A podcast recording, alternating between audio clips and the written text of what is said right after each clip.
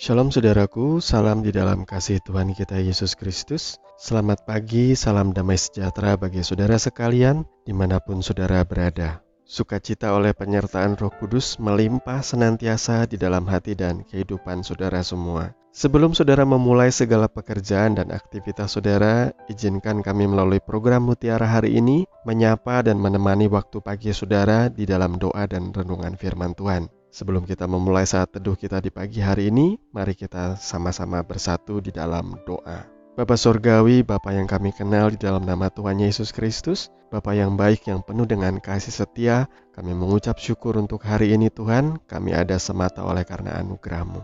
Saat ini ya Tuhan, kami mau bersaat teduh bersama di dalam pembacaan dan perenungan firman-Mu. Berbicaralah kepada kami ya Tuhan, kami siap mendengar dan menjadi pelaku firman-Mu. Dalam nama Tuhan Yesus kami berdoa. Haleluya. Amin. Saudara yang dikasihi Tuhan kita Yesus Kristus, tema renungan kita di kesempatan pagi hari ini ialah siapa yang terbesar dan nas firman Tuhan terambil dari Markus pasal yang ke-9 ayat 33 sampai dengan ayat yang ke-37. Demikian firman Tuhan. Kemudian tibalah Yesus dan murid-muridnya di Kapernaum. Ketika Yesus sudah di rumah, ia bertanya kepada murid-muridnya, "Apa yang kamu perbincangkan tadi di tengah jalan?" Tetapi mereka diam, sebab di tengah jalan tadi mereka mempertengkarkan siapa yang terbesar di antara mereka. Lalu Yesus duduk dan memanggil kedua belas murid itu, katanya kepada mereka, "Jika seseorang ingin menjadi yang terdahulu, hendaklah ia menjadi yang terakhir dari semuanya dan pelayan dari semuanya." Maka Yesus mengambil seorang anak kecil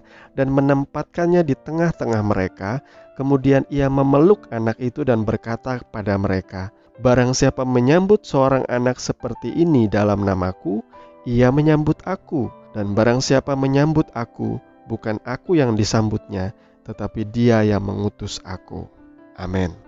Tahukah saudara bahwa persoalan siapa yang terbesar itu bukan hanya menjadi keributan dan pertengkaran bagi para murid Kristus pada waktu itu saja, tetapi sampai hari ini para hamba-hamba Tuhan, pelayan Tuhan, bahkan pester atau pendeta juga saling berlomba-lomba membuktikan bahwa mereka yang terbesar, yang paling terbesar, yang paling terbenar di hadapan Tuhan itu seolah-olah bisa dibuktikan dengan jumlah gereja atau gereja cabang yang banyak, jemaat yang banyak, aset yang banyak, harta benda dan kemewahan untuk membuktikan bahwa ini aku, hamba Tuhan yang paling benar, yang paling diberkati, yang paling berkenan. Di sosial media, di konten-konten channel YouTube juga tidak sedikit ada hamba Tuhan A menyerang hamba Tuhan B dan sebaliknya saling menggugat bahwa ajaranmu salah, ajaranku paling benar. Jemaat juga saling ribut membela pendeta-pendeta atau pester panutannya. Ketika pendetanya diserang, mereka akan berbalik untuk menyerang. Mereka berkata bahwa pendetaku, gembalaku yang paling benar.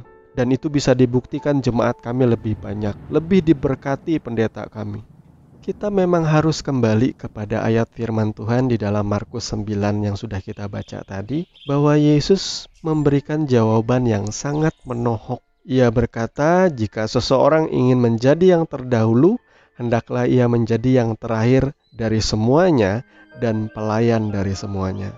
Yesus lalu mengambil seorang anak kecil dan menempatkannya di tengah-tengah mereka. Kemudian ia memeluk anak itu dan berkata, "Barang siapa menyambut seorang anak seperti ini dalam namaku, ia menyambut aku. Dan barang siapa menyambut aku, ia menyambut Dia yang mengutus aku." Jadi jawaban Yesus ini justru berbanding terbalik dengan konsep dan pandangan orang selama ini. Banyak orang salah menerjemahkan kebenaran firman Tuhan sebagaimana juga para imam-imam di zamannya Yesus banyak salah menginterpretasikan makna dari hukum Taurat. Mereka justru melihat perkara-perkara lahiriah semata. Sementara Yesus menekankan kepada perkara-perkara batiniah atau rohani yang ada di dalam. Itu sebabnya saya mau berkata, saudara, siapakah yang terbesar di hadapan Tuhan?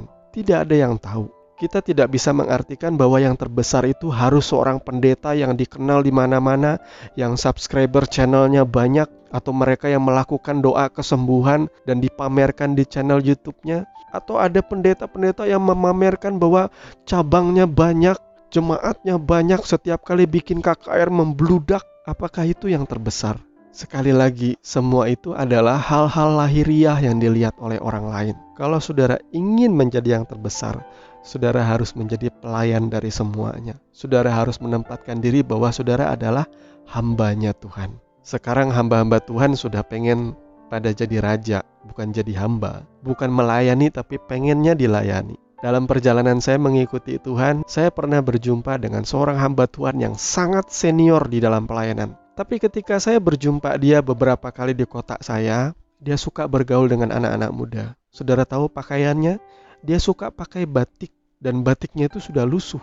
Ketika kami ajak dia untuk berdoa bersama kami, ia tidak keberatan. Dia bersama-sama dengan orang muda, dengan naik sepeda motor, dan dia berdoa bersama-sama dengan kami, mendoakan tempat usaha kami yang sangat sederhana. Di satu sisi, pribadi ini sangat humble sekali. Bahkan ketika saya makan ada nasi yang jatuh dari piring saya, dia sampai berlutut di depan saya dan memungut nasi itu. Saya sampai gemetar dan terus terang ini orang humble sekali. Ia sangat rendah hati sekali dan saya tahu dia tidak sedang gimmick atau berpura-pura. Sementara saya ada mengenal seorang yang mengatakan dirinya hamba Tuhan. Dia berkunjung ke kota kami dan tahukah saudara, dia memiliki begitu banyak syarat. Dia minta harus tinggal di hotel minimal bintang 3 atau bintang 5. Diminta fasilitas A, B, C, D, E, dan lain sebagainya. Dan ada begitu banyak permintaan-permintaan yang bagi kami minta maaf sangat rewel sekali sebagai seorang hamba Tuhan. Dan yang seperti itu sudah biasa. Kalau saudara mau ngundang pendeta besar, pendeta kaya, mereka akan kirim email dulu sama saudara. Persyaratannya nih A, B, C, D, E, F, G. Hati saya itu kadang miris. Seorang hamba Tuhan tapi tidak punya hati melayani, pengennya dilayani.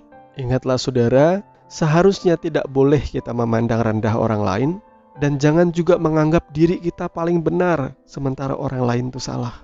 Dan Yesus sangat menegur orang-orang yang menganggap dirinya paling benar, paling besar, dan yang sekaligus merendahkan orang lain. Sebagaimana di dalam Lukas Pasal 18 ayat 9 sampai 14 berkata, "Dan kepada beberapa orang yang menganggap dirinya benar dan memandang rendah semua orang lain, Yesus mengatakan perumpamaan ini. Ada dua orang pergi ke bait Allah untuk berdoa. Yang seorang adalah Farisi dan yang lain pemungut cukai. Orang Farisi itu berdiri dan berdoa dalam hatinya begini, "Ya Allah, aku mengucap syukur kepadamu karena aku tidak sama seperti semua orang lain, bukan perampok, bukan orang lalim, bukan pezina dan juga bukan seperti pemungut cukai ini. Aku berpuasa dua kali seminggu. Aku memberikan sepersepuluh dari segala penghasilanku. Tetapi pemungut cukai itu berdiri jauh-jauh. Bahkan ia tidak berani menengadah ke langit. Melainkan ia memukul diri dan berkata, Ya Allah, kasihanilah aku orang berdosa ini.